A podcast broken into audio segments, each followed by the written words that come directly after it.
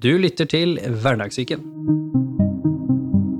I denne episoden snakker vi om pårørenderollen og ser på den fra forskjellige vinkler. Og du er så heldig å få møte Anita fra Pårørendealliansen, og ikke minst Martin, som kaller seg selv for slagpappa, som både har vært pårørende og selvfølgelig hatt pårørende rundt seg når han selv fikk slag.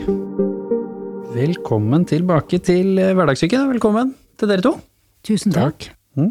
Og da er jo det store spennende spørsmålet selvfølgelig, hvem er nå dere for noen folk, så hvem er du? Anita Vatland heter jeg, og så jobber jeg i Pårørendealliansen, som er en sånn pårørendeorganisasjon som eh, skal gjøre livet bedre og forhåpentligvis enklere, og også synliggjøre pårørende i alle aldre og alle livsfaser. Ja.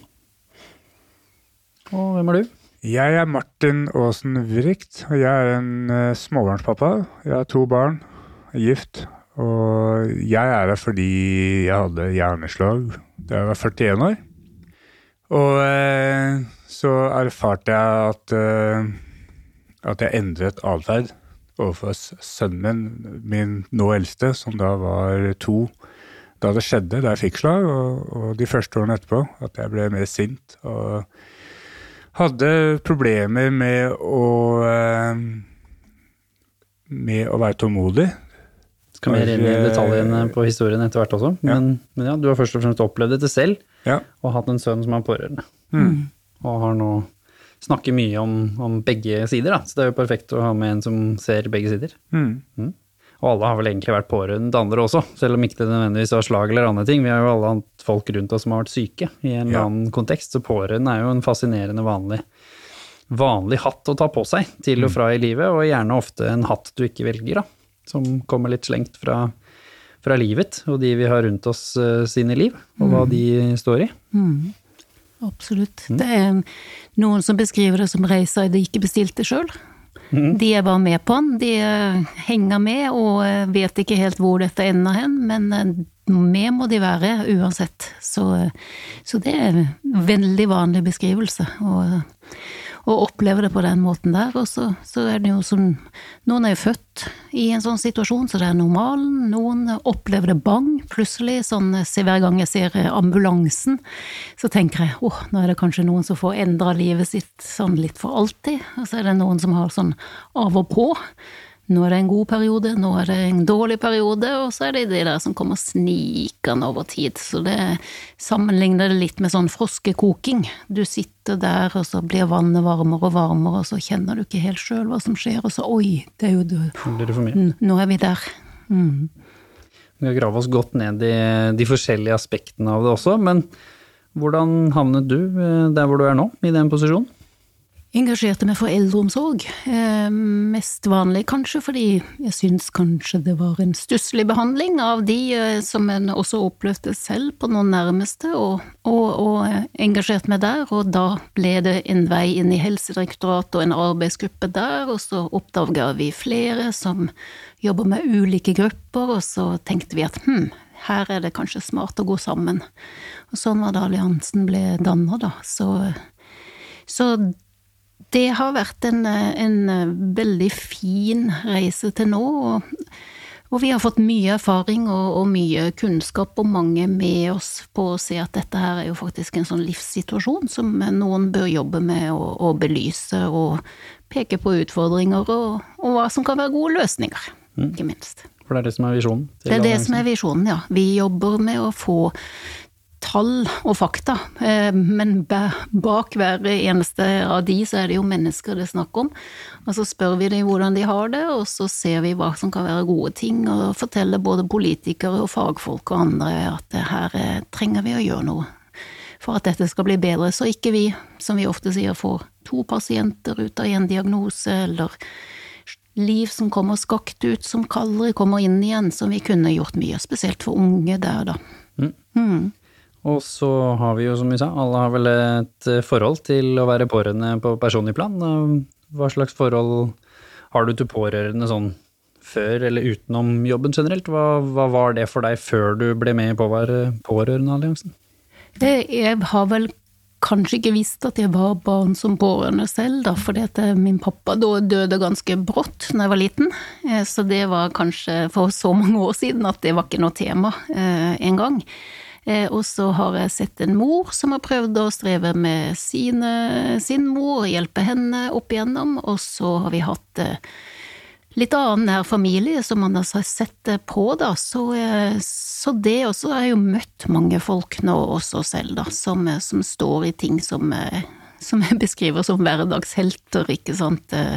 Men det er mange som skulle hatt et mye lettere utgangspunkt enn det de har i dag. Og Politikerne sier jo ja, vi er jo alle pårørende, men det er når det begynner å slå inn i ditt eget liv, og det begynner å påvirke det, og det, det følger deg liksom å ta det en vei som kanskje ikke du får påvirka selv, det er jo der vi må gjøre jobben, da. Mm. Mm. Han forsto meg. Å slippe folk ordentlig inn. Følelser inneholder egentlig flere komponenter. Vi har det jo best når vi klarer å fungere godt sammen med andre mennesker. Dette er Hverdagssyken, podkasten hvor vi sammen med fageksperter og mennesker med levd erfaring tar for oss de tabubelagte temaene og psykisk helse i hverdagen. Nå har vi snakket litt om det, da, men altså mm. definisjonen av pårørende, som man sier, det er jo at man da er et menneske som har noen rundt seg som man er såpass eh, glad i, at man faller inn i en rolle av å støtte noen gjennom et form for sykdomsbilde, eller om ja. det kommer av konsekvenser av en ulykke, eller om det er noe som du sier som, som har vært eh, latent, kan være kronisk, kan være opp og ned. Mm. Men det er da denne rollen med de menneskene som i utgangspunktet har det og er friske og altså, Igjen, hva nå en definisjon på frisk er, men i utgangspunktet den tingen som den du er pårørende til sliter med, er ikke noe du sliter med selv, men det blir følgefeil av at du nå må tre inn i en rolle som du i utgangspunktet ikke hadde tiltenkt, og etter hvert så blir den strevsom og plagsom for ditt eget liv. Mm god beskrivelse, det der, fordi at det, det, er den at når det spiser seg inn i ditt eget liv, og du også enten tar over for mye, eller kompenserer for at du ikke får nok hjelp. Mm. Det er jo det som skjer veldig mye i dag, da, for tjenestene er pressa, og vi ser jo tendensen at nå, nå skal flere, flere ting og flere oppgaver skyves tilbake til familien, for de som har en, og de som ikke har en, de, de kan jo selv tenke hvordan det går og klarer det offentlige å være en slags offentlig pårørende der, men eh, vi ser nå i alle dokumenter og føringer at det forventes at pårørende skal gjøre minst halvparten og enda mer enn det som gjøres i dag, da. For de er jo egentlig et helsevesen i seg sjøl, hvis man ser på det sånn sett. De gjør 140 000 årsverk, og helsetjenesten i kommunene 140 000 årsverk. Så da har vi den. Mm. Ja. Og i tillegg, da, som du sier, så er det jo Altså, Helsepersonell også blir jo emosjonelt eh, påvirket av pasientene sine, selvfølgelig, og det er veldig mange helsepersonell som også snakker om at de føler at det, de har lyst til å strekke seg ekstra, og man på en måte tar i litt fordi man bryr seg på et menneskelig plan. Men ja. utfordringen med en pårørende, i forskjell til en som er en profesjonell, da, som har dette som rollen sin, og i teorien i hvert fall har rammer og kan gå hjem til et tidspunkt og starte på et tidspunkt og ha pauser og ferier og mm så er jo kanskje en av de største forskjellene med en pårørende at du har ingen av de tingene som egentlig er satt i stand for at vanlige profesjonelle skal klare å håndtere en så emosjonelt belastende jobb. Nei, som vi sier, vi pårørende har ingen fagforening. Vi har ikke det samme som de har. De har ikke rettigheter og vern og HMS og stillingsbeskrivelser og alt dette her. Ikke sykedager, ferie, sånne ting. Så, så, det er en stor gruppe som står der uten fagforening og noen som kjemper for dem, og det er derfor vi har begynt å jobbe med det. Fordi at dette må endre seg, iallfall mye som må skje for at eh, man skal klare å være det fremover. For nå er vi jo på veien i et annet Norge. Mm. Vi eh, ser at vi begynner å selge flere inkontinensprodukter enn en barnebleier.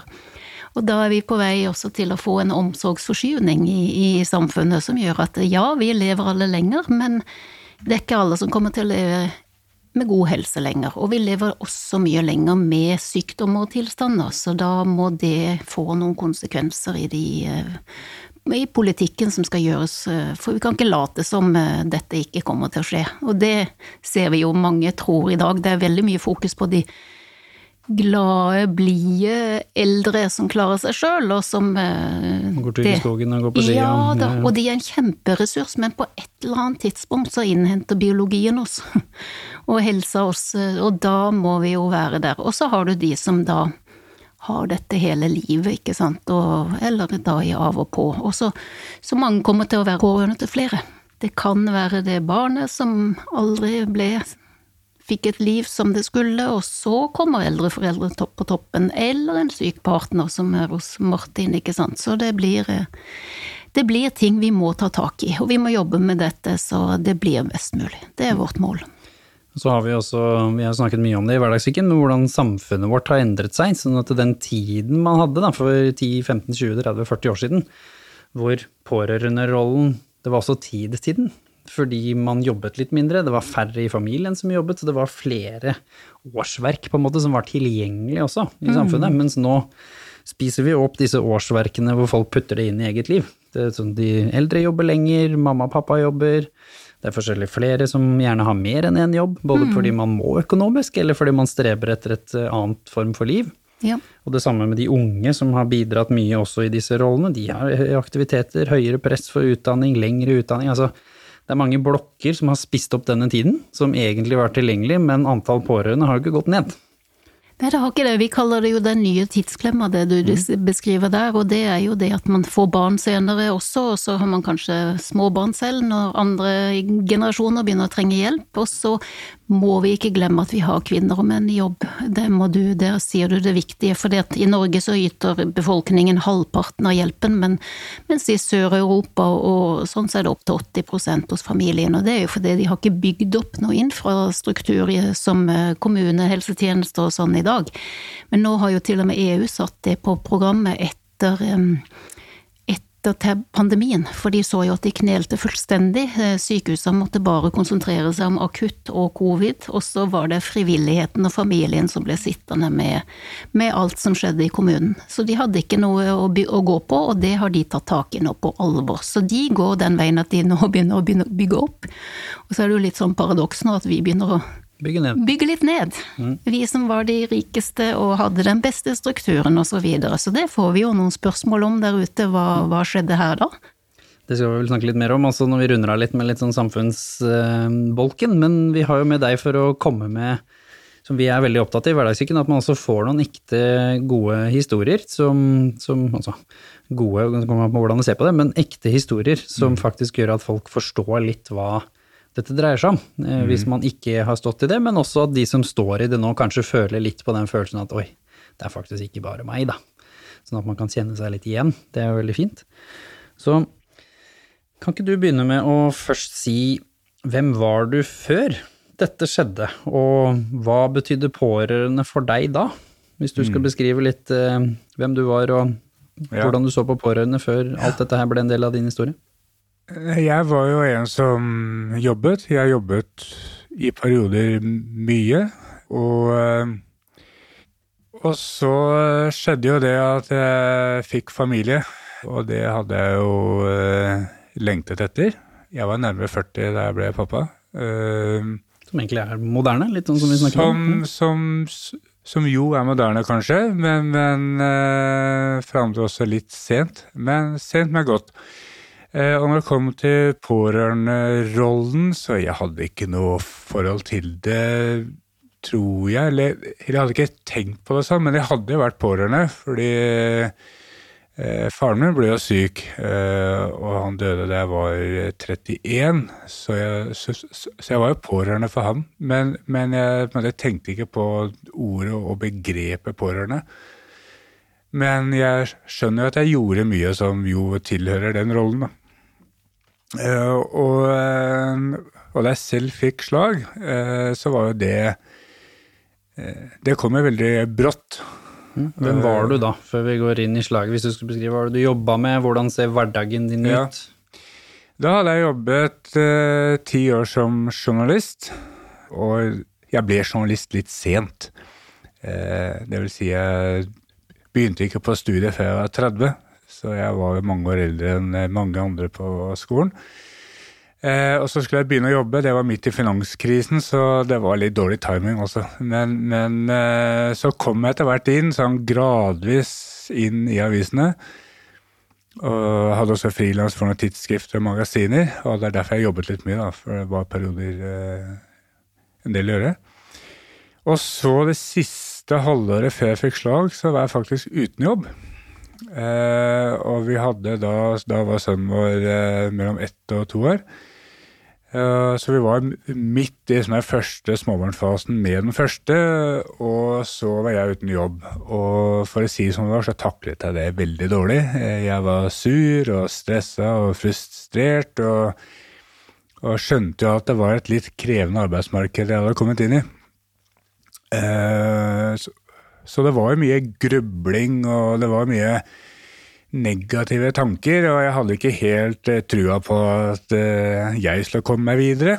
Eh, og så hadde det med, med en del vikariater og usikker jobbsituasjon i veldig mange år, så hadde jeg jo bygget opp en del stress, tror jeg, som det var mange, mange år, da.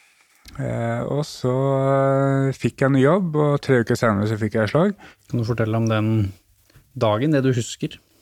Jo, eh, jeg var på hytta og ble veldig dårlig, fikk feber, veldig høy feber, som gikk like fort ned igjen som den gikk opp.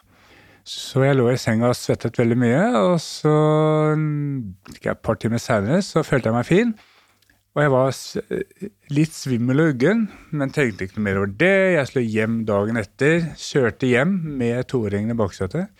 Kom hjem og ble mer svimmel og bare la meg ned på kjøkkengulvet. Og ringte legevakta. Det var jo før jeg skjønte at man skulle ringe 113. Men hvorfor ringte du legevakta? Hva var det som gjorde at du ble så usikker at du liksom tenkte oi shit, her må jeg faktisk gjøre noe? Nei, det var fordi jeg var så svimmel at jeg klarte ikke å stå oppreist. Og jeg skjønte ikke hvorfor. Altså, Jeg har lært etterpå at jeg heller skulle ha ringt 113, for da vet de litt mer hvor de skal sende meg. Men uh, Du ringte noen. Jeg tror det er, For menn så tror jeg det er et veldig godt steg i riktig retning. det er et stort steg i riktig retning. Eh, Vi kan også komme litt inn på akkurat det med menn og sykdom. Uh, Nei, og så kom jo kona mi hjem, og hun kjørte meg ned på legevakta, ble undersøkt. Det ble ikke konstatert med hjerneslag da. Fikk bare vite at jeg hadde høyt Eller begynnende høyt blodtrykk, het det på legespråket. At jeg fikk beskjed om å stresse litt mindre. Så dro jeg hjem. Gikk det fem måneder, fikk jeg slag igjen. Eh, Da var det litt mer tydelige symptomer, men det var ikke de der typiske prate, smile og løfte. Det var eh, det legene kaller milde symptomer. Hva er det for noe? Det, er, det kan være svimmelhet, sterke hodesmerter, kvalme og oppkast. Du kan ha balanseproblemer, du kan ha delvis lammelser. Så jeg var delvis lam i venstresiden. Så da jeg våknet i desember, så, så hadde jeg sterke hodesmerter. Jeg skjønte fortsatt ikke at det var slag, men vi ringte da. Vi ringte fortsatt legevakta, og ikke 113. Hva slags hodesmerter var det, og hva slags liksom sånn lammelser? Fordi når man sier det, så sitter jo folk med sine egne tanker. Ja. Og vi snakker litt om det med menn å lese egne symptomer. Ja. Så hva, hvis du skulle beskrive de to symptomene, Hodesmertene var? Var så sterke som du ikke kan forestille deg. Altså det, det var på ingen måte mildt. Eh, Det var mye verre enn hodepine. Nå har ikke jeg migrene, men jeg skjønner at noen har veldig vondt av migrene. Så kanskje kan det sammenlignes med det, uten at jeg helt vet det. Men det var, i hvert fall, det var såpass sterkt at uh, det var eh, merkbart annerledes. Altså Det føltes som om måte, det sagde opp i huet mitt. altså. Og delvis lammelse var sånn at jeg bikket mot venstre. Altså jeg klarte ikke å på en måte stå på venstresiden. Jeg sto på høyresiden, smalt inn i skapdøra, kom meg ned i første etasje. Skikkelig sjanglete. Jeg måtte legge meg ned for å kle på meg. Eh, klarte det. Hva tenker man da, når man liksom har sånne type symptomer og har vært litt inn og ut med legevakt og leger og sånn her? Hva er det du tenkte Der, nei, der og da så tenkte jeg ikke så veldig mye, annet enn at eh, jeg vil ha kaffe. og som tidligere journalist så skal jo kaffen være sterk, og det skal være mye. Eh, og jeg ble jo litt sur fordi jeg fikk lagd mindre kaffe, for jeg brukte så mye tid på å stå opp og kle på meg. Jeg tenker etterpå at jeg var jo mildt sagt litt irrasjonell. Eh, men, men i hvert fall, jeg fikk jo etter hvert eh, Ja, det var kanskje kona mi som ringte. Legevakta. Så ble jeg sendt inn. Men det tok jo 30 timer før jeg fikk vite at det var slag. Så det var to runder, da. Og da det ble konstatert slag, så så de på bildene at jeg hadde slag før. Og det var samme sted, det var i Lillehjernen. Hva tenkte du når du hørte ordet slag? Du er jo på det tidspunktet en relativt ung mann. Altså sånn i forhold til det vi snakket om der, hvor dette er mer vanlig. Da. Så hva Ja. tenkte du når du hørte det ordet? Nei, jeg ble jo ganske satt ut. Eh, Jeg var 41 år og fikk vite at du har hatt hjerneslag. Eh, Jeg forbandt hjerneslag med gamle mennesker som ble tullete i senga og var rørete og ikke kunne gjøre rede for seg. Jeg hadde jo altså de fysiske symptomene jeg har beskrevet, da, med lammelser, det, det gikk over eh, ganske kjapt. Det gikk vel ja, halvannet døgn eller noe sånt. Så klarte jeg å, å gå selv, uten noe prekestol. Jeg gikk jo med prekestol første dagen. 41 år med prekestol er heller ikke sånn veldig selvtillitsvekkende. Men jeg hadde Altså, jeg vil jo berømme sykepleierne, for de var helt fantastiske. De var eh, De gjorde en kjempejobb, og- og vi eh, kom jo veldig på nett. Og de, eh, de var litt tøffe mot meg, og, og den dagen, altså dag tre på sykehuset ble det vel. Eh, Jeg kom inn en onsdag, så var fredagen. Jeg hadde hatt prekestol på torsdagen. Og på fredagen så kommer sykepleieren inn, og så ser hun på prekestolen og så sier hun, den der trenger du ikke lenger. Og så tok hun den. Torsdagen så hjalp hun meg med å få pillene ut av pillesken. Fredagen så slengte hun bare pillesken opp i senga og sa dette fikser du. Det syns jeg var kult. Da på en måte fikk jeg i gang liksom eh, stå-på-viljen. Så, så etter at de måte fant ut at det var slag, så, så var vi så var på en måte good to go, selv om jeg var jo en sjokktilstand, vil jeg si. Jeg vil jo tro at jeg var litt. For det, for det tar lang tid å skjønne hva man har vært igjennom. Ja, for da skal vi jo litt inn på det, fordi dette heter jo hverdagssyken, så det er jo viktig å ta med somatikken og psyken henger godt sammen. Men la oss ta en liten sånn reise inn i deg her nå. Mm. Hvordan utvikla da det emosjonelle stresset og det emosjonelle indre livet ditt seg her nå? For at du fikk vite at du slag, det er sjokk, det er litt stigmatiserende, litt skamfullt, og så sa du etter hvert at det begynte å skje noe med måten du Ja. så verden på også, for så vidt, men også hvordan din indre verden har det, som gjør at man begynner å bli en som trenger pårørende, da. Mm. Den første tiden etter at jeg kom ut av sykehuset, jeg var på sykehuset i ti dager vel, og sånn, og kom hjem, så skjønte jeg ikke helt hva jeg hadde vært igjennom. Og eh, så vi feiret jul på vanlig måte, eh, ikke helt som ingenting hadde skjedd. Altså, vi var veldig bevisst på hva som hadde skjedd, men vi skjønte jo ikke helt ennå på en måte alvorlighetsgraden av det. For vi ble jo sendt hjem med Altså, jeg sier vi. Eh, vi ble jo sendt hjem med beskjed om at vi hadde vært heldige, og at dette kom til å gå bra. Jeg brukte Jeg brukte over fire år på å komme tilbake i full jobb. Men altså bare for å gi bildet, altså det tar lang tid, og det er av de eh, senskadene jeg hadde, kognitive, usynlige senskader. Og eh, så den første tiden så skjønte jo ikke jeg at jeg hadde det. Altså jeg skjønte jo ikke at jeg hadde fatigue, eh, hvorfor jeg hele tiden var så sliten og ikke orket noen ting. Hvis jeg løftet opp en hammer, så var jeg sliten. Jeg skjønte jo heller ikke at jeg ikke skulle kjøre bil. Eh, Jeg kjørte bil, jeg. Eh, Og etter tre måneder fikk jeg beskjed om nå kan du kjøre bil igjen. Jeg bare, å ja, For det hadde ikke jeg fått med meg. Og det her, og det her sier jeg fordi at uh, det er så viktig at den pårørende, den voksne pårørende er med fra starten. Fordi slagrande er en fryktelig dårlig informasjonskilde. Er en veldig upålitelig informasjonskilde, for vi glemmer, vi får ikke med oss beskjeder. Det er jo også gjort en undersøkelse, vet jeg, eh, over hvor mye pasienter får med seg av det legen sier.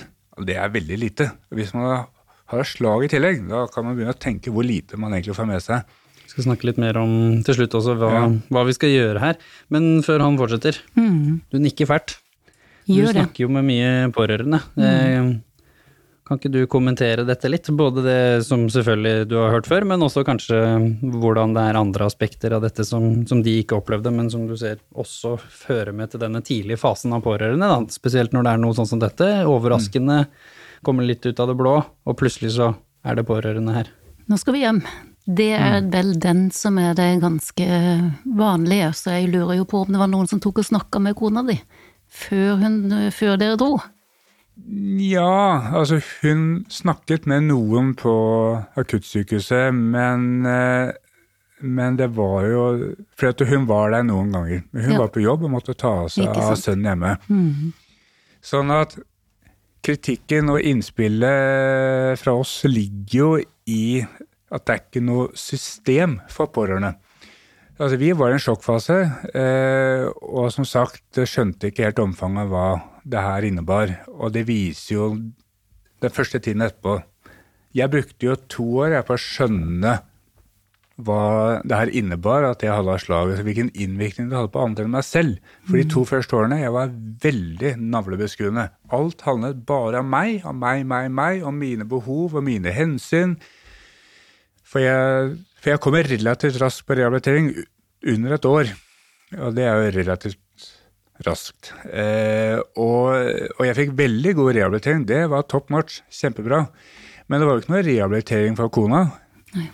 Og det var jo ikke noe det var jo ikke noe system som er fanget opp Ja, hva med guttungen, som da var nesten tre år? Jeg vet ikke om jeg tenkte at han er for liten til å skjønne det. Eh, Der og da så tror jeg ikke han skjønte noe.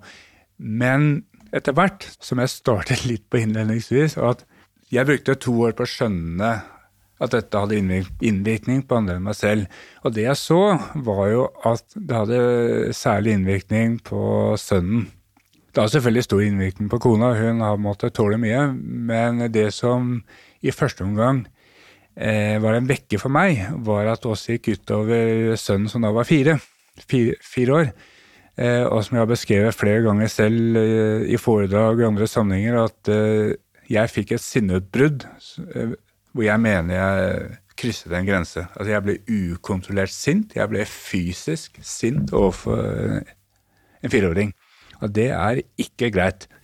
Og uvanlig, da, for det er litt av det som er poenget her, så er det uvanlig for deg da, før dette skjedde, før slaget. Ja, ja, ja. Og jeg, eh, jeg mener at her var det hjerneslaget som tok overhånd, eller senskadene som styrte meg.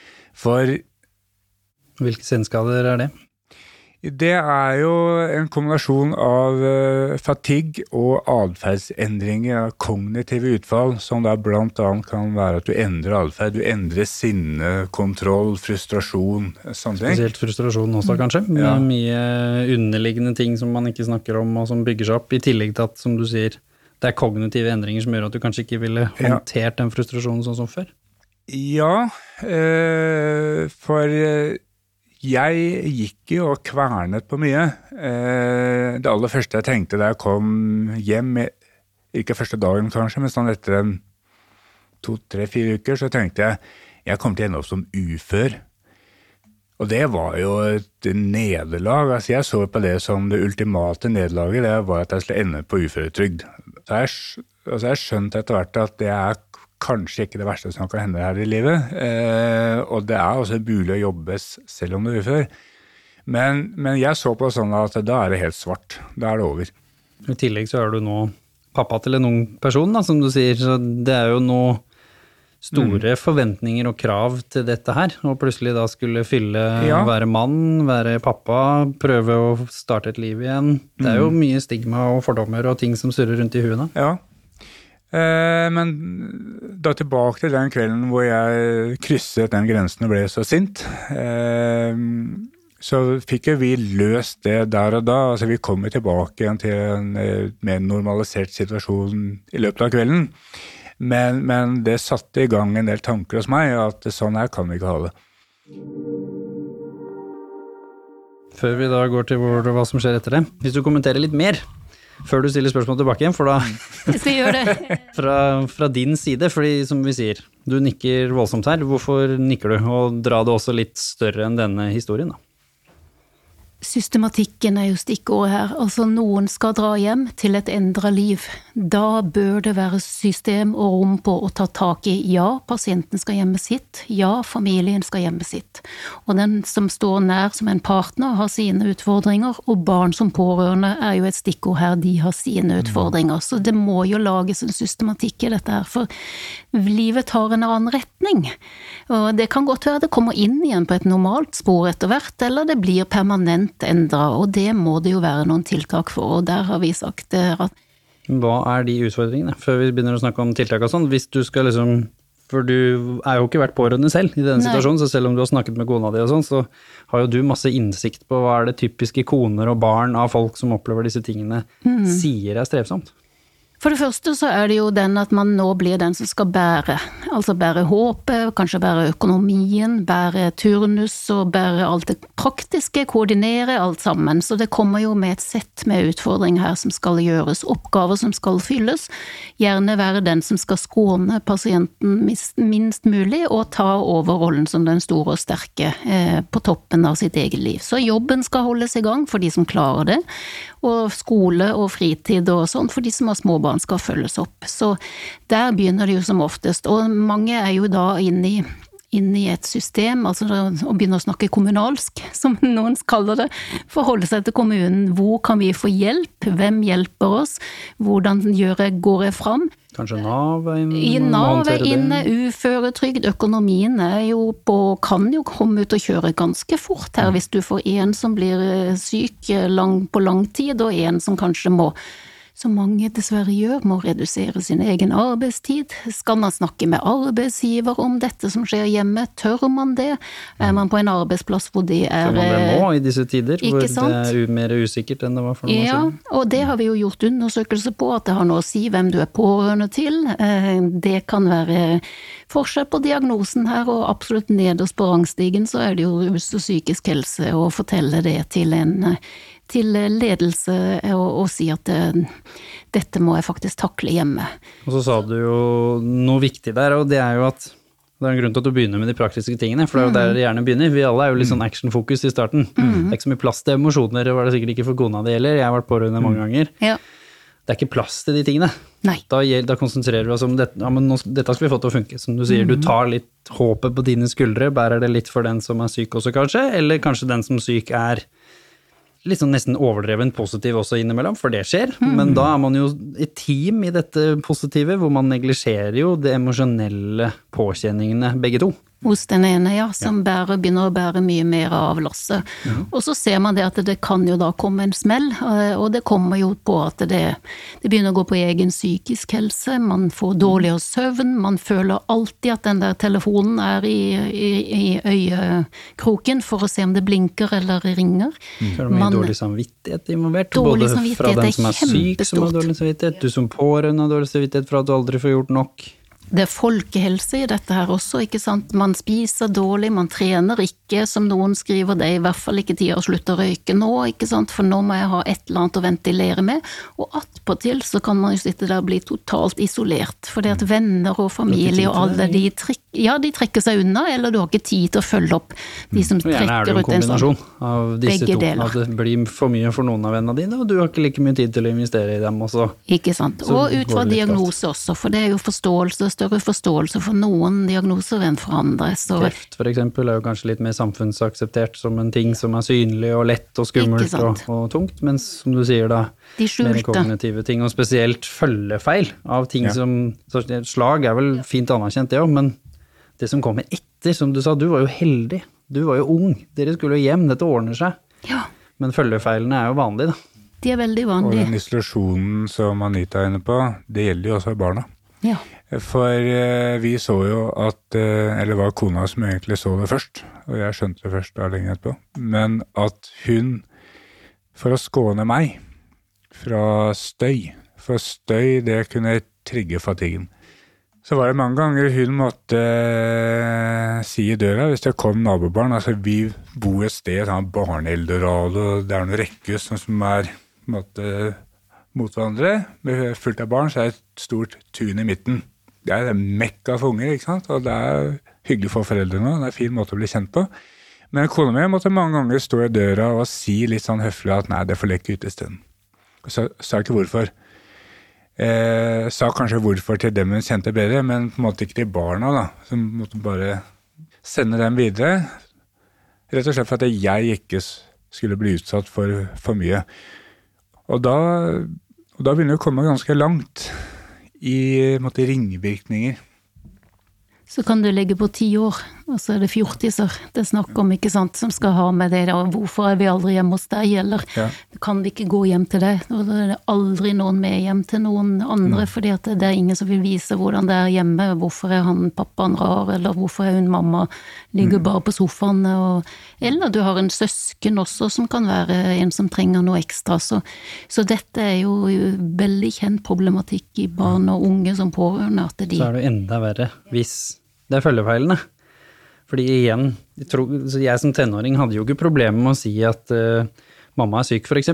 Men med en gang du føler at den akutte biten har gått over, og igjen man fikk samme type beskrivelse som deg, da, heldig, operasjonen gikk bra, liksom sånne type feedback, og så er det noe emosjonelt som har skjedd, som er noe som følgefeil, som henger igjen. Det er plutselig dårlig forhold mellom meg og mamma, jeg kanskje leser energien, kanskje det var med liksom bestemor som var syk, altså plutselig så er man sånn ja, jeg vil ikke ha med folk hjem, men jeg kan egentlig ikke forklare hvorfor heller. Skal jeg si at mamma er sur? Eller si at eh, jeg og mamma har et dårlig forhold? Altså, man sier jo ikke sånne ting. Spesielt hvis man som barn, da har du ikke engang utviklet det som språk. Og vi tenker jo veldig ofte om barn at ja, de kognitivt forstår ikke hva som skjer, og det kan jo hende at det stemmer. Det er litt vanskelig å måle, har vi funnet ut. De forstår, vi ser jo i barnepsykologi at de forstår fryktelig mye mer. For eksempel, de kan spille ut situasjoner i lek, og så blir man nesten litt sånn sjokkert over hvor mye de har forstått. Men spesielt emosjonelt så har de veldig sånn sensitivitet, som for all del kan hiles og gå over, men for da den at det er noe som er galt med at de er til stede. Så klassiske tegn da på at man må være stille, eller at man må tilpasse seg, er en stor påkjenning for barn, som de da ikke har noe ord på å forklare, men som trist men sant ofte kan bli forbundet da med man er et problem, man er kanskje ikke bra nok, det er noe her som gjør at man ikke føler seg like velkommen eller imøtekommet. Som man kanskje da kunne ha gjort da, hvis disse tingene ikke hadde skjedd. Det var jo sånne ting som jeg følte mye på, som jeg mangla ord på i starten, og som tenåring hadde ord på, men som endte opp med at det ble frustrasjon isteden, mellom Ja. meg og mamma. Som jeg er ganske sikker på ikke hadde vært der. Tenåring er tenåring, men jeg tror det hadde vært ganske mye mindre, da, hvis ikke Ja. det var for det aspektet som jeg sleit med å ha emosjonelle beskrivelser på, Ikke i sant? tillegg. Det er derfor det er så viktig at det er noen som ser det, og som jobber systematisk med det. Så det er system og struktur på godt pårørendearbeid, det må jo inn ifra man drar til sykehuset, til kommunen, inn i skolen, inn i barnehage, og følge de familiene som trenger det. Og også for de som trenger å trykke på en sånn rød knapp, eh, eller en sånn rød, rødt flagg, og si at her er jeg, jeg må, nå må jeg ha hjelp. For jeg tenker, tenker det er unge og fraværsregelen og alt dette her, å sitte i eh, skolen og, og være redd for at man ikke klarer å stå, men så er man egentlig den voksne hjemme som bærer veldig mye. Det finnes jo stor gruppe av de også, har det vist seg nå. Men det er jo skamfullt igjen. Det er så det å igjen. si jeg trenger hjelp i dagens moderne samfunn, Medis sa jo det i episoden vi har blitt sånn antitrøst, altså et et samfunn som selv om man strekker ut en hånd for å hjelpe, så selv om kanskje kommunen har gjort det, skolen har gjort det, kollegaer har gjort det, familie har gjort det, så er det ikke uproblematisk for en pårørende å ta den hånda, for da er plutselig du pasient også. Da Ja. føler du deg plutselig som hjelpetrengende. Da får man labels, da er du, da er du ikke sterk nok pårørende, da, ikke sant. Også. Så er Men ikke det så lett en- som man tror, da. En ungdom skal jo ikke ha den rollen uansett, da. de skal jo få lov til å være unge også, men de må få lov til å si fra at vet du hva, jeg kan klare meg. Hvis jeg får noe hjelp til dette her. Hvis jeg får, eh, får hjelp til å være få en sommerjobb eksempel, så jeg ikke må bekymre meg for å betale at regningene ikke blir betalt av mamma. Altså, det er mye sånn nå som Nå har vi data fra ungeundersøkelsen på den gruppa og ser at det er en del de etterspør som er faktisk mulig å fikse. Og det ligger jo også i en sånn ungdomsgaranti nå. Så, så nå unge som står i en sånn situasjon, de er en gruppe i gruppa unge med utfordringer som vi kan gjøre noe med. Så det har vi utfordra på politisk nå, blant annet. Ja, og da er vi liksom tilbake på at det er fint å få de tiltakene og sånn, men det er fortsatt en sånn stigma og usnakket ting her som gjør at uh, mange pårørende vi har intervjua i Human Aspect, men Victoria var jo en av de som også snakket om en far med demens, og hun gikk på videregående i denne perioden, og snakket jo om tapt liv. Altså Janette også har jo vært her og snakket om livssorg, ikke sant, som er en veldig sånn klassisk uh, Altså, det er ikke nødvendigvis en direkte diagnose, men en veldig god beskrivelse av en sorgprosess som pårørende går igjennom, spesielt kanskje barn. Mm. Ventesorg. Og også for deg, som er den som er da faktisk den som er syk. Ja. Du også har jo en livssorg til et tapt liv som du nå plutselig sørger i, og kanskje ikke engang anerkjenner at du både har følgefeil fra slaget, men du har også en livssorg, som også påvirker humøret ditt og energien din.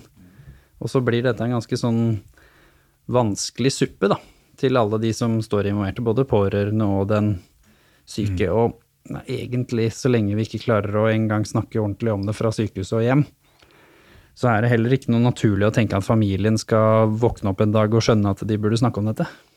Nei, det er jo ikke det. Altså, man kan jo undre på hvor, hvordan har det blitt at vi ble sånn. For vi, vi sier jo ofte at vi er et veldig humanistisk land og vi tar godt vare på hverandre, men så ser du jo historisk tilbake, så plasserte vi folk legde og sendte de i barnearbeid og, og sånt, ikke sant. Så, så vi, vi skal kanskje stikke fingeren i jorda på det. Er ja. Ja, og så skal vi tenke på hvem kan jeg være for noen? For det kan jo være at det kan jo være så enkelt som den ene, som ikke er en del av noe system, men det kan være den ene som I got you, altså den, den, den som stiller opp. Det kan være den, den som kjører til fotballtreninger, som tar med den som Tar med barnet til en som, av de som, som, ser, som han ser alltid går, eller som hun ser alltid går. Det kan være den ene naboen som Mm. kom inn til meg, du har spist middag i dag, eller, eller bare sier vet du hva, nå går du på kafé, og så sitter jeg her pal i to timer, og så, og så tar du en timeout. Altså det, det er noe med det mellommenneskelige òg. Mm. Skal runde av mer med sånne gode råd også, og da er vi jo tilbake til litt, den samme utfordringen. Da. Det var jo at uh, man hadde jo mer tid til å kunne tilby sånne ting også, før. Og ikke bare mer tid, men mer bevissthet. For det krever jo også en form for tilstedeværelse og bevissthet, og du må ha et emosjonelt overskudd for å legge merke til den ungen som går til fotballtrening for fjerde gang som du kjører forbi. For de fleste kjører jo ikke forbi noen fordi de er onde. De kjører jo forbi noen fordi de ikke følger med, altså fordi de er så mye inne i sin egen verden. Og klassisk hvis du er pårørende sjøl, da.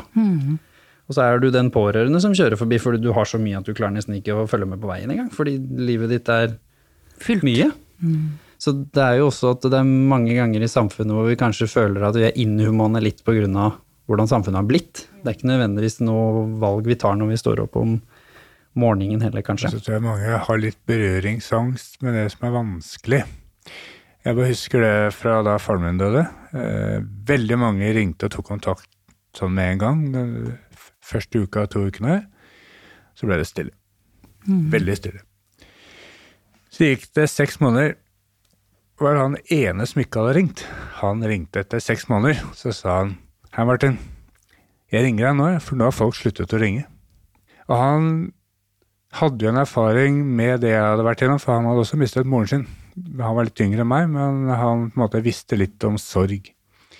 Og det har jeg tenkt på mye etter at jeg fikk slag òg. Jeg har valgt å være veldig åpen, da. Et bevisst valg.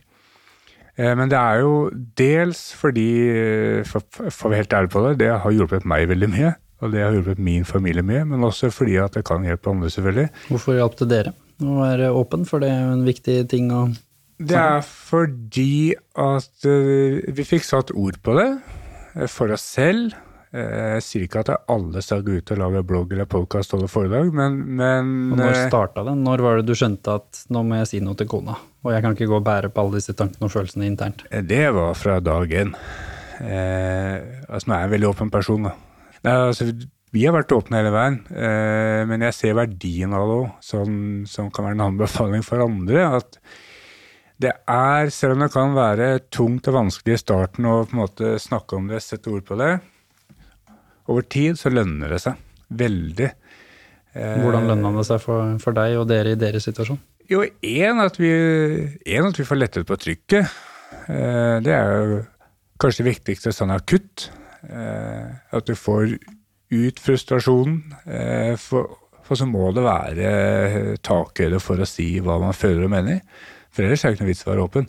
Og kanskje da også etablere på forhånd, for det tror jeg mange som bommer på, for vi snakker mye om åpenhet her i Human Aspekt, eh, og prøver det i eget liv også, uten eh, alltid å få det til. Og det er også kanskje å plassere at eh, hvis du lufter noe, så er ikke det sannheten. Men du lufter noe for å fortelle hvordan det føles ut inni deg akkurat nå. Du lufter en subjektiv sannhet, så hvis også den du lufter den til, at vi har etablert på forhånd under rolige forhold, når vi ikke var frustrert, at de gangene man gjør det, så betyr ikke det at jeg leverer noe sannhet, men det betyr at jeg leverer et bilde jeg har behov for å si, Ja. sånn at jeg kan få letta litt, og gi deg litt innsikt som gjør at du kanskje får litt forståelse for at jeg kanskje er litt irritert, eller Ja. litt frustrert, eller sånne typer Men altså, når man har et sånt følelsesutbrudd, så tenker jeg det er viktig at man, etter at man har pustet ut, at man sier at dette var som en utblåsning, eh, som du er inne på. At man måtte, altså Hvis man ikke har gjort det klart på forhånd. Da. Eh, for et sånt utbrudd er jo mer over i det irrasjonelle. Man må bare blåse ut. Så tror jeg også det er lurt at man eh, at man eh, trenger ikke å ta den store praten hver gang. Altså, noen har kanskje sånn søndagsråd, mens andre ikke. Men man trenger ikke den store praten hver gang. Og, og det som vi erfarte da jeg hadde fatigue Nå har jeg ikke så mye av de senskadene lenger, det er også en grunn til at jeg er tilbake i jobb. Eh, Men for å gå litt tilbake i tid, så lærte meg etter hvert, da. Det var jo selvfølgelig mye prøving og feiling. Det er veldig mye eh, tre skritt frem og to tilbake her. Men jeg lærte meg én ting. Eh, Det var å gi måte, hjerneslaget Martin et navn. Det var Bjørnar. Så hvis jeg bare sa Bjørnar, når jeg skjønte at nå er jeg nede for telling, så skjønte kona at ok, nå er vi der. Da trenger ikke jeg å forvente at jeg skal kunne si veldig mye om hva jeg har lyst til å snakke om. Da må jeg faktisk utsette det til han er tilbake som Martin og sluttet å være Bjørnar. Det tok litt tid før vi lærte det, men det hjalp oss litt, så ikke jeg hver gang tenkte å si 'å, jeg er så sliten', og blah, blah, blah. Altså, det blir en sånn der, mm. en måte en litt sånn sykeliggjøring av seg selv, som kan bli litt sånn surmuling. Um, men så tror jeg også det er viktig at man da sier at kan vi ta dette i morgen? Altså, jeg orker ikke nå. Jeg skjønner at du gjerne vil prate nå, men jeg har ikke overskuddet. Vi kan ta det i morgen. Ok, fint. Det er vanskelig. Det er fryktelig vanskelig, men hvis man, hvis man får det til, så er det kanskje mer enn nok. fordi da skjønner partneren at du ser meg. Og så kanskje man ikke trenger å ta den praten likevel, for man har på en måte sjekket inn. da. Men det er fryktelig vanskelig. altså. Det er, det Det er er ikke vanskelig. lett. Det ser vi. Det er ikke lett. Nei, og dere mm, gir jo en del eh, råd og tanker der også, før du skal få lov å runde av litt historien med hvordan du kom tilbake i jobb, for det er en viktig aspekt her. Men dere gir jo Dere snakker jo med pårørende. Altså, Du får jo både gode tips og råd tilbake fra de pårørende, regner jeg med, men dere gir jo også noen, så hva er det som er viktig hvis vi liksom skal la systemet og alle disse tingene ligge litt, fordi det skal vi ta til slutt her, hva vi mener at politikerne må steppe opp og holde på med, men hva er det dere sier til pårørende som kommer til dere tidlig, da? Som gjør at dere faktisk har muligheten til å gi dem litt sånn erfaring på reisen? Så vi ser, når vi legger ut ting i sosiale medier, og folk sier at ja, nå skal jeg ta, ta vare på det sjøl, så sier de ja, hvordan skal jeg få til det da? For det har jeg jo ikke tid til. Så det er den der, der å faktisk ta seg den tida, men også kunne få noen tilbud. Og det finnes jo mange gode tilbud i de organisasjonene som, eh, som blant annet Martin og andre jobber i, ikke sant. Det finnes eh, organisasjoner som jobber med likepersonstilbud, og som har råd og grupper, og folk som skjønner hva du står i. Og de kan møtes som pårørende og bare være Du trenger ikke si noe, tror jeg engang. Du bare ser at 'jeg skjønner, ja. Dette, er, dette står vi i alle sammen'. Få og en vi- klem fra noen som få en klem, gå en tur rundt et vann og bare bære sammen med noen som skjønner greia, liksom. Så syns jo vi systematisk at man kanskje skulle gi pårørende et tilbud å ventilere. For de som har behov for det, de kunne jo godt få lov til å få en psykologtime i ny og ne som en del av det å tømme seg for ting som de ikke har lyst til å snakke om med den de er pårørende til, eller De kan jo ta kontakt Nå er det ikke, Ja. er ikke beste råd å si prøv å få tak i psykisk helsehjelp i dag, men det, det finnes jo heldigvis noen litt mer lavterskeltilbud. Rask psykisk helsehjelp det. er jo dette en aktuell ting å komme med pårørendeperspektivet, vet jeg. Man kan betale privat, jeg vet at det er virkelig ikke alle som har råd til det, men noen har gjennom eh, helseforsikring på jobb, så har man også Det tilgang man til opp mot ti timer, så det finnes Finnes små tilbud. handlingsrom her hvor den pårørende også kan si vi liker ikke å si i hverdagssyken at det er individets ansvar, men fram til vi får fiksa systemet, så er det visse ting individene kan gjøre for å lette på situasjonen. Men det er mange som ikke gjør det, fordi at de får ikke noen til å passe på den de er pårørende til. det er en greie også, at skal du inn og skal du ut og gjøre noe, så må du vite at den du er pårørende til er trygg. Og det gjelder jo særlig i grupper eldre og andre, for de sitter og bor sammen med noen og kan ikke skylde på at de skal på jobb en gang. Så det er de der at de får avlastning, og at de får noen å ventilere med, og også at det finnes gode tilbud som veiledningssentre og sånn rundt omkring som man kan gå til, nettopp som du sier, med god la, la, lavterskel. Men det er god folkehelse, og det er god pårørendehelse å gi de det tilbudet der. Så, så snakke sammen som familie, da. Som du sier, altså fordi det er så skamfullt å spørre, men vi har også snakket mye om hvordan spiller du vennene dine gode, eller hvordan spiller du familiemedlemmene dine gode. Igjen, ikke at fokuset skal ligge på individet, men det er jo en, det er en symbiose her, liksom man må samarbeide. Ja. Så det er jo også innimellom, som du sier, berøringsangst. Og da kan faktisk en litt sånn åpnende ting være også å si har du muligheten til å sitte barnevakt på lørdag? Fordi jeg skal på pårørendegruppa, eller gå en runde rundt der, eller jeg faktisk skal dra på boksetrening, bare for å få ut liksom frustrasjonen. Ja, ja, ja. Og så er det Ja, vi er i tidsklemma, og ja, det er faktisk ikke alltid du kommer til å få ja. Og da er det også litt viktig å huske at vi har tidsklemma, så ikke man blir så veldig deppa av det at du aldri spør igjen. Fordi hvis man fortsetter å spørre, i hvert fall de du har en god relasjon til, da, så vil jeg si i hvert fall at det innimellom så sier folk ja, og de innimellom er jo plutselig veldig verdifulle her. Ja, og det er også et av rådene, ta imot hjelp.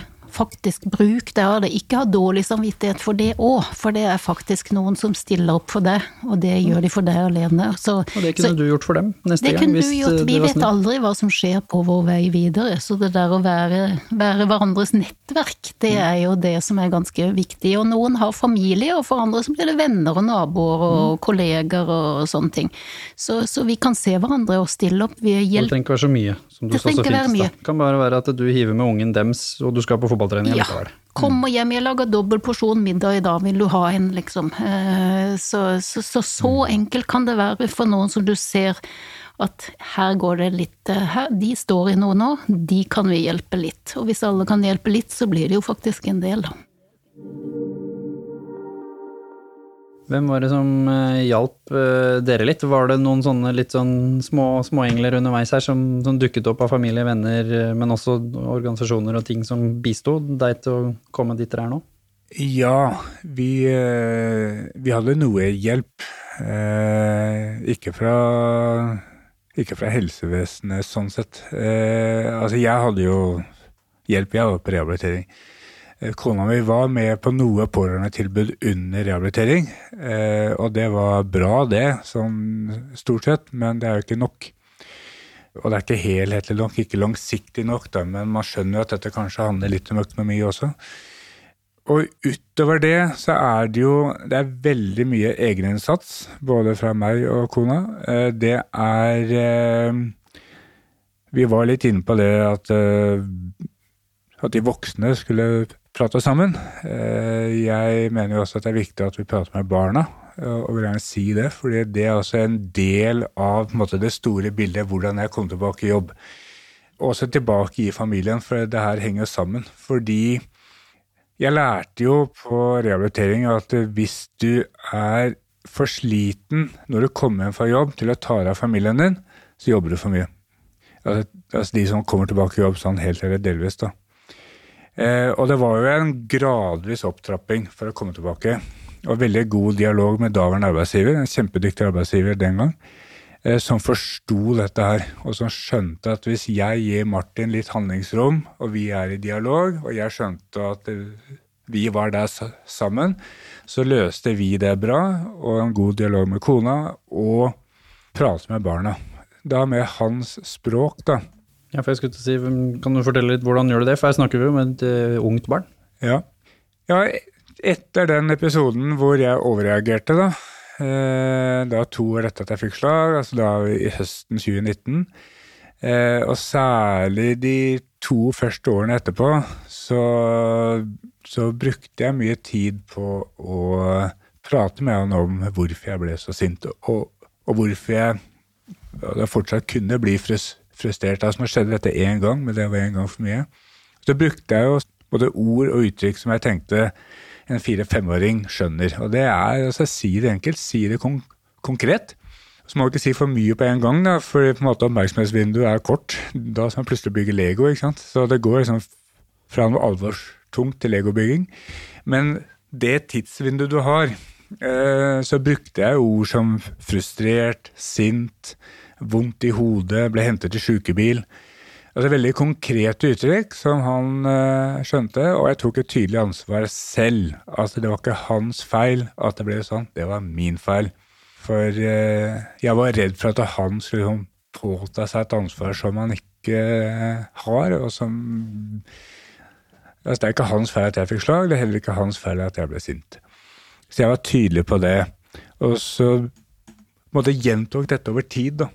Og etter hvert så måte, kom vi så langt at han begynte å gå lei, at han syntes at nå ble det litt mye hjerneslag her.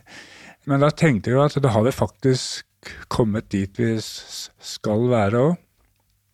Og eh, sånn at det å på en måte klare å gjenetablere et godt miljø hjemme, det må være utgangspunktet. For hvis du ikke har det, så tror jeg ikke du holder så lenge i jobb heller. Ellers så blir du skilt eh, for at det ikke funker hjemme. Som er vanlig, for nå nikker du igjen. Ikke sant? For det er viktig å si her at når noen blir syk, og noen havner i pårørende, så er det jo som vi sier, det er egentlig to pasienter. Det er to forskjellige utfordringer som står veldig å holde hverandre i henda, og som er så stor stressbelastning at trist, men sant, en konsekvens av det, både fordi systemet rundt er dårlig og alle de andre tingene vi snakket om, så kan det føre til så store samlivsproblemer ofte. At man kan få selvfølgelig både kortvarige konsekvenser med mye krangling og mye frustrasjon hjemme, men også da at det kan bli såpass ille at man velger å skille lag. Det er ikke en uvanlig ting. Hvis folk hører på nå og bare åh, oh, shit, der traff du meg. Nei. Det skjedde med oss. Så er ikke det noe man nødvendigvis burde skamme seg masse over heller, for det er ganske vanlig. Det er ganske vanlig, men det, det finnes jo også noe som er mer oppmerksomme på det nå, og tar disse par, parterapi.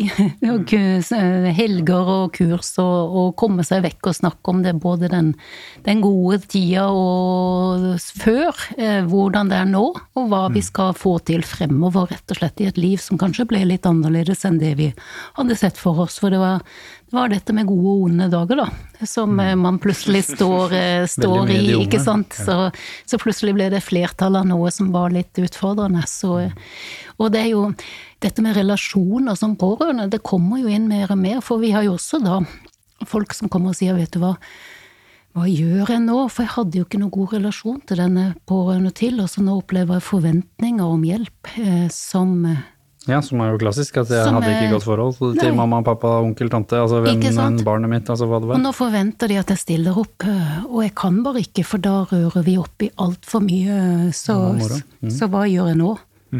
Det, det, og det tror jeg vi kommer til å se litt sånn i, i, mer av i fremtida fremover, for folk blir bevisst at oi, dette som jeg opplevde i barndommen, eller det, den relasjonen der, den var jo aldri sunn. Og så plutselig så spiller man på det i en eller annen sammenheng og sier at ja, men du må jo hjelpe meg nå, ikke sant. Og så, og så kjenner folk at oi, hva, hva gjør jeg nå? Mm. Så der, der, er det også rom for litt eh, å snakke om det og få hjelp. Eh, og Tørre å si det til vennene sine uten å skamme ja, seg. Og si at. Eh, pappa fikk demens nå og har kjempetrengende, men som du vet, og så kan du snakke med venner som kanskje til og med vet at du har en dårlig relasjon, som men som du vet, mm. bare tanken på å hjelpe pappa nå, etter alt det vi har vært igjennom, gjør meg syk, på en måte. Bare å få sagt det høyt tror jeg har kjempestor verdi. Ja, jeg fikk telefon her for eh, ikke så lenge siden, for er som sa at jeg nå ringer de fra hjemstedet mitt og sier at mamma og pappa trenger hjelp, men vet du hva, jeg kan ikke, for det er ingen som vet hvordan det var i det huset der, selv de beste venninnene mine, så det bare går ikke.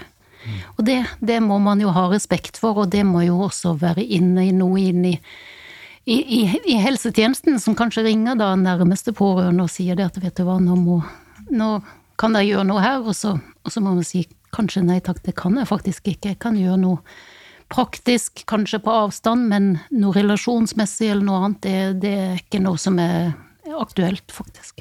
Jeg tror også at eh, etter man har tatt det første steget og sagt det til en kompis eller en venninne at uh, slik er det hos oss nå, så åpner det seg noe, fordi at alle har noe. Mm. Men Vi går rundt og skuler på hverandre som skal på en måte late som at alt er så greit, men de aller fleste har et eller annet som de strir med, om det er sykdom eller andre alvorlige ting. Og eh, altså være litt forsiktig med å på en måte generalisere alle menn, da. Men jeg tror jo at eh, menn kan gjerne lære seg å bli litt flinkere til å prate om eh, følelser, hvordan man har det. Eh, det, er, eh, det er mye tøffere det enn det motsatte. Ja, og så er jo jeg litt opptatt av å si at det er ikke alt som løser seg med trening, gaming og en øl.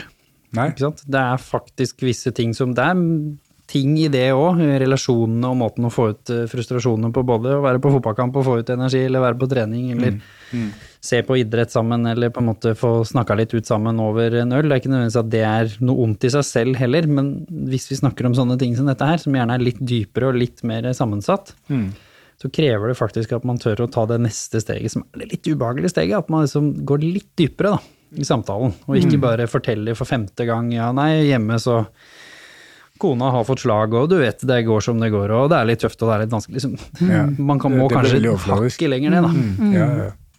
Og det tenker jeg er fint, og litt det du sa også, og andre siden av den mynten, det er jo alle de som har god relasjon. Som Absolutt. føler at det er ikke noe vei ut her. Altså, jeg har så sterk relasjon, og dette var så Mm. uforventet på meg at jeg føler jeg må.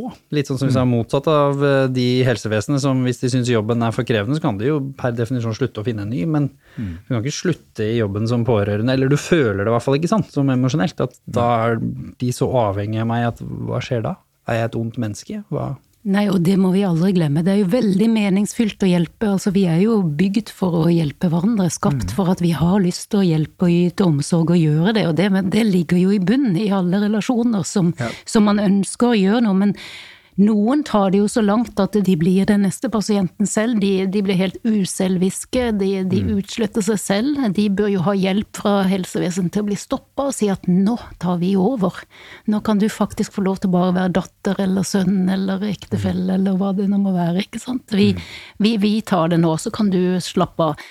Og andre så så må man, man beholde den gleden det oppleves vi, vi, vi må jo hjelpe hverandre i gode og onde dager, men når det blir sånn at det ligger politiske forventninger til at folk skal bære mer enn det de kan bære, da begynner det å bli eh, et, en tid for at vi må diskutere hvordan skal vi få folk får kraft til å bære. Fordi vi snakker om bærekraft i helsevesen, men folk må faktisk ha kraft til å bære i det systemet der, og ikke bare bli dytta på ting som, som ikke går i travle liv fremover. Så hvis vi skal ha dette sånn fremover, så lurer vi på hva, hva gjør politisk, gjøres politisk for å hjelpe folk da, til å takle dette bedre.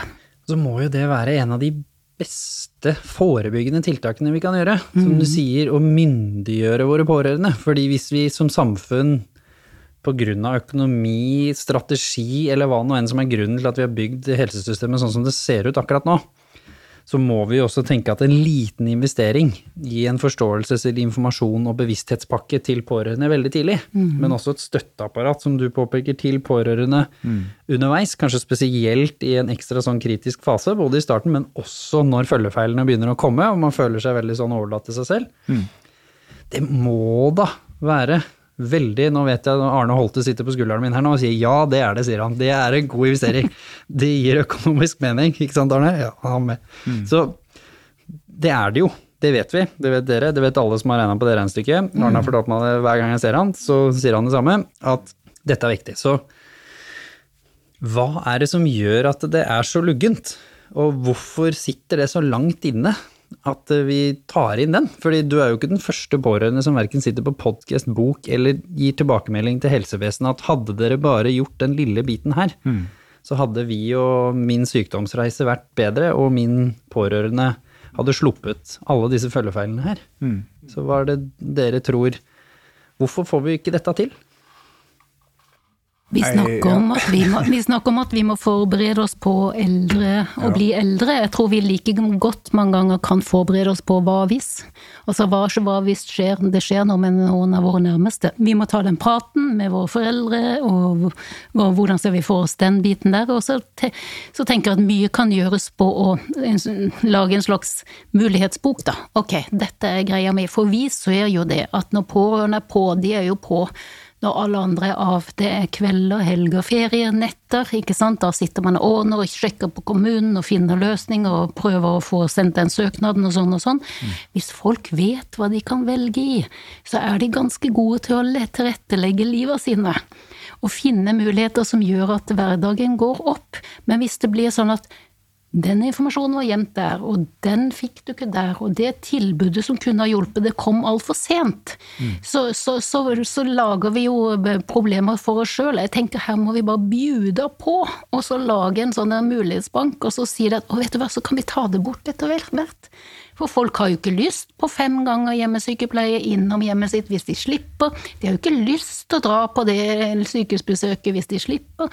Altså, det er mye som kan gjøres. Men er det ikke tillitsproblem? Liksom, fordi politikerne Ja, snakker om si. kostnader, og så sier de at men det har vi ikke råd til hvis alle får sånn fem hjemmebesøk.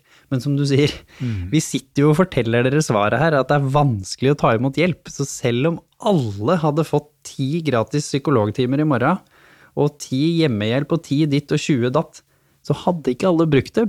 Nei. På grunn av at de fleste har egentlig ikke lyst til å ta imot den hjelpen, men da hadde i hvert fall noen begynt å bruke det, og dette hadde gitt positive ringvirkninger. Så det kommer aldri til å bli så dyrt som dere tror i worst case-huet deres, dere politikere som hører på nå. Og det er noe tillit. Det er vi må ha tillit. tillit til liksom samfunnet, ellers så går jo Og vi dette. betaler for det også, for vi betaler for det i sykefravær. Vi Mm. betaler for det i uhelse, i dårligere psykisk helse. Så, så et eller annet sted så ligger jo regninga. Men kanskje vi skal begynne å legge den på de riktige stedene, og ikke skjule den ned. Og investere og la folk Og det er akkurat som du sier, de fleste er ganske motstandskraftige når en krise kommer. Mm. Vi er litt sånn resilient eh, befolkning og så videre. Så er det de som har, trenger hjelp til å bære dette, som vi må styre, styrke med noen tiltak og muligheter. Mm. så kan det hende at den kostnaden som blir følgefeilen om ti måneder, to år, tre år, når burnouten til pårørende altså, Mm. Plutselig så kan du unngå noe langt fram med en billig liten investering her tidlig i bånn, liksom. Så tror jeg altså noe så konkret som en koordinator, da. Som, Det har jeg snakket om tusen ganger, ja. Helsekoordinator. Ja, Mhm. ja, men, ja, altså en helsekoordinator på flere felt som har kompetanse om hva dette handler om. Stålkontroll på informasjonen, som hun sier. Yes. Tilbudene. Fordi eh, Sånn som med de usynlige senskadene, det tar tid. Altså det, det er, det er eh, Altså, de slår vel inn tidlig eh, hos pasienten, men det, som jeg var inne på, det tar tid å skjønne selv. Det tar tid for omgivelsene rundt å skjønne hva dette er for noe. Sånn at vi skjønte jo ikke i starten hvilken hjelp vi kunne ha trengt. Og, eh, men hadde det vært noen som sa til oss hei, dere trenger det, det og det. altså Heldigvis ble jeg sendt på rehabilitering, sånn at det kunne vi på en måte kryssa på. Men en mer sånn lavterskeltilbud for å få hjula til å gå rundt hjemme. Ja, vi kunne spørre noen av familie og venner ja på eget initiativ, men altså, det er ikke alle som gjør det, som vi er inne på. fordi Det er ikke alle som har familie og venner. det er ikke alle som har, ikke sant? fysisk. Nei, nei. Uh, og det er vel en berøringsangst der òg. Man vil ikke på en måte vise hvordan det egentlig er. Det er en stolthet i det. Det koster å kaste korta. Ja, Det koster å kaste korta og vise, vise hva man har sitter med på hendene. Men vi får jo også håpe at det ligger noen muligheter her fremover, fordi at det vi snakker om kunstig intelligens, vi kan snakke om å minske systemslitasje, altså bare det å slippe å sende den samme søknaden 80 ganger, altså vi kan forenkle en del rutiner, for det, det er jo det, de langvarige situasjonene som skaper systemslitasje, der får vi jo da håpe at, at det kommer en del som gjør eh, den eh, rollen lettere, da, for hvorfor skal vi Konkrete roller, Ja. som du sier her. ikke sant? Informasjonsbanker, Ja. digitale, men også mennesker. ikke Mm. sant? Vi må ikke ha så mye datamaskiner at det til slutt ikke er et menneske å snakke med, for det er veldig sårbart å være syk eller være pårørende. Så Ja. flott med informasjonsbanker og rydde opp i systemene og sånn, og det- burde være enkel fiks, selv om vi vet at det ikke er det. Men hvis det også var et varmt, medmenneskelig menneske som hadde som sin passion i livet å hjelpe folk som hvor det er litt mye, som trenger bare litt hjelp til å skjønne systemet litt bak dem, og det er jobben deres. Gud, så deilig. Ja, men vet du hvor det problemet nok ligger? I at det er ingen som har ansvar for pårørende. I en kommune så er ikke pårørendeansvaret plassert hos noen, det flyter rundt. Og gjerne hos en ildsjel eller en eller annen koordinator eller et eller annet sånt på halv stilling. Det må inn i fag- og pasientsikkerhetsavdeling, for det er jo der vi hører hjemme, og det samme gjelder det på et sykehus. At, for da kan man snakke om at de veilederne og de måtene å jobbe på, de faktisk blir implementert. Og, jobber med på en systematisk rutiner og- Ja, og helsepersonell får tid til å jobbe med pårørende på en god måte. For i dag så er det jo sånn nesten mange som skygger unna oss, for de vet at de har ikke tida til den gode samtalen og den gode informasjonen. Så vi må få det inn der også. Og så er det gjerne litt sånn Det er nye posisjoner. Samfunnet har endret seg, som du sier. Både samfunnet og sykdomsbildet og teknologien og alt har endret seg. Så hvis man liksom tenker tradisjonell sykehus, så tenker vi liksom sykepleier, lege liksom. Det er litt begrensa posisjoner, da, så har alle disse spesialiseringene, men de store boksene er det jo ikke så mange av på et sykehus. Mens hvis vi nå begynner å tenke hm, her har vi noen nye utdanninger. Vi vet jo Høgskolen Kristiania har anvendt psykologi, en bachelorutdanning som handler om grunnleggende forståelse av psykologi. Ikke for å være terapeut, men perfekt til å kunne være en samtalepartner med miljøterapeut inn i en familie som mm. står i en endringsprosess. Og så har de bare et ekstra kurs som heter da pårørendekompetanse, ikke sant? Så plutselig så har vi en ny stilling til mennesker som tenker jeg har ikke lyst til å bli psykolog, men jeg har kjempelyst til å være sosialt støttende med psykososial altså bunnpakke. Ja. hjelpe folk som står i det vanskelig. Du trenger ikke seks år utdanning for å være en pårørendestøtte. Høres ut som en veldig god utdannelse, så hvis du pakker inn litt sosionomutdannelse også, som kan forholde seg til systemet, så får du noen som kan fikse og ordne veldig mye for veldig mange. Så der, der Og er du vi inne trenger på noe. folk som trenger jobb. Ikke sant? Så dette er politiske ting som, Ja, som er mulig å gjøre noe med. Det er mulig å bygge de utdanningene. Jeg vet at folk står og Det er jo dette unge mennesker brenner for. De har lyst til å jobbe med menneskelige jobber som er givende. Det er jo det unge sier.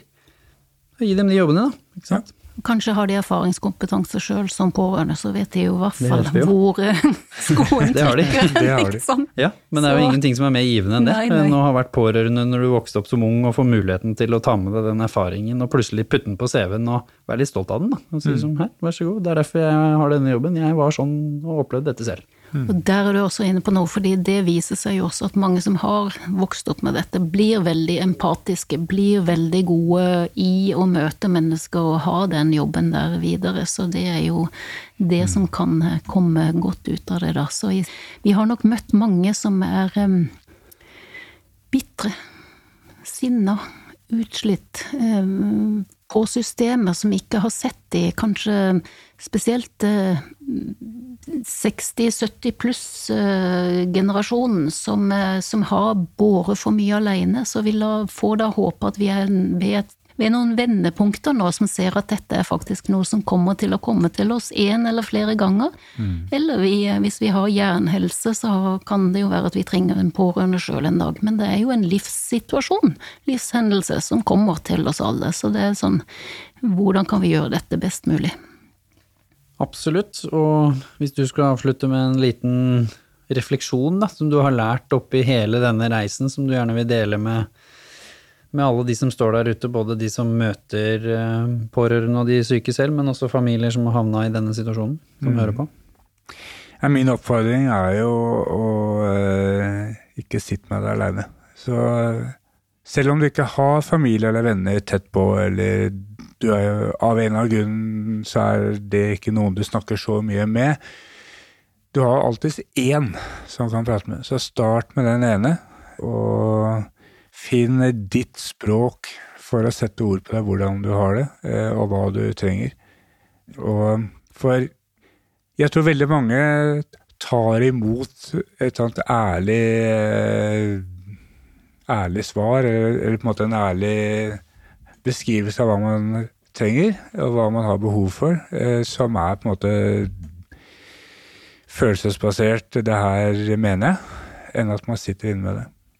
Og gjerne kanskje enda mer den ærlige enn den litt pynta pakka. Ja, For da kan det det hende at du er. ikke skjønner alvoret, og kanskje det er lettere å si nei til en ærlig, altså en pynta pakke enn en ærlig pakke. Det er ingen eh, grunn til å moderere seg selv. Eh, si det som det er. Eh, og det Igjen, hvis det er barn i bildet, ikke sant. Prøv på et eller annet nivå å involvere dem. Jeg er litt opptatt av at man Når barna er små, så trenger man ikke nødvendigvis å si alt. Men det man sier, må man være ærlig om. Og så kan man på en måte la det utvikle seg etter hvert som barna blir større og er eh, i stand til å skjønne med de store sammenhengene hva dette kan innebære. Da. Tusen hjertelig takk. Dette kunne vi snakka om lenge, tror jeg. Eh, Mm, det, jeg. det gjorde vi jo for så vidt, men eh, det var en veldig fin samtale. Takk som kom. Jo, Tusen takk. takk. Og sist, hvor finner vi dere? Hvis vi skal finne litt eh, de som hører på, som lurer på noe om dere. Pårørendealliansen.no, og der er også oversikt over mange som kan hjelpe dere. Du sa du jobba også med noe som er relevant, så hvor finner vi dere? Finner meg på slagpappa.com, og det finnes også som podkast, der du hører på podkast. Nydelig. Tusen takk til dere som hører på. Husk, som alltid, dere har muligheten til bare å bidra ved å bare dele denne, for du vet aldri hvem som står i den rollen. Så det å kunne dele denne episoden alene kan være litt sånn god pårørendehjelp akkurat nå. Så del den. Skriv kanskje dine erfaringer hvis du har noen pårørendeerfaringer selv. Og selvfølgelig være med og engasjere dere, og takk som hørte på helt eh, fram til nå. Så håper vi dere har så empatisk dag som overhodet mulig. For at vi skal fortsette å lage engasjerende og gode episoder til deg, så trenger vi din hjelp. Og det er mange måter å hjelpe til på. Du kan laste ned, lytte, skrive flotte reviews inne i podkast-appene, men du kan selvfølgelig også engasjere deg da i sosiale medier. Der trenger vi også likes, kommentarer, delinger. Ikke minst være med å spre det til folk rundt deg som du tror har nytte av denne episoden. Men vi trenger jo selvfølgelig også finansiell hjelp, sånn at du kan gi oss muligheten til å fortsette med redaksjonen. Og da kan du finne oss på VIPS. Der finner du Human Aspect, og du kan også søke på nummeret da 96243, og så merker du den flotte donasjonen din med hverdagssyken. Da får vi muligheten til å ta med det videre, og hjelpe oss til å skape flere episoder. Så tusen hjertelig takk for at du er med og støtter oss på alle de måtene du velger å gjøre det.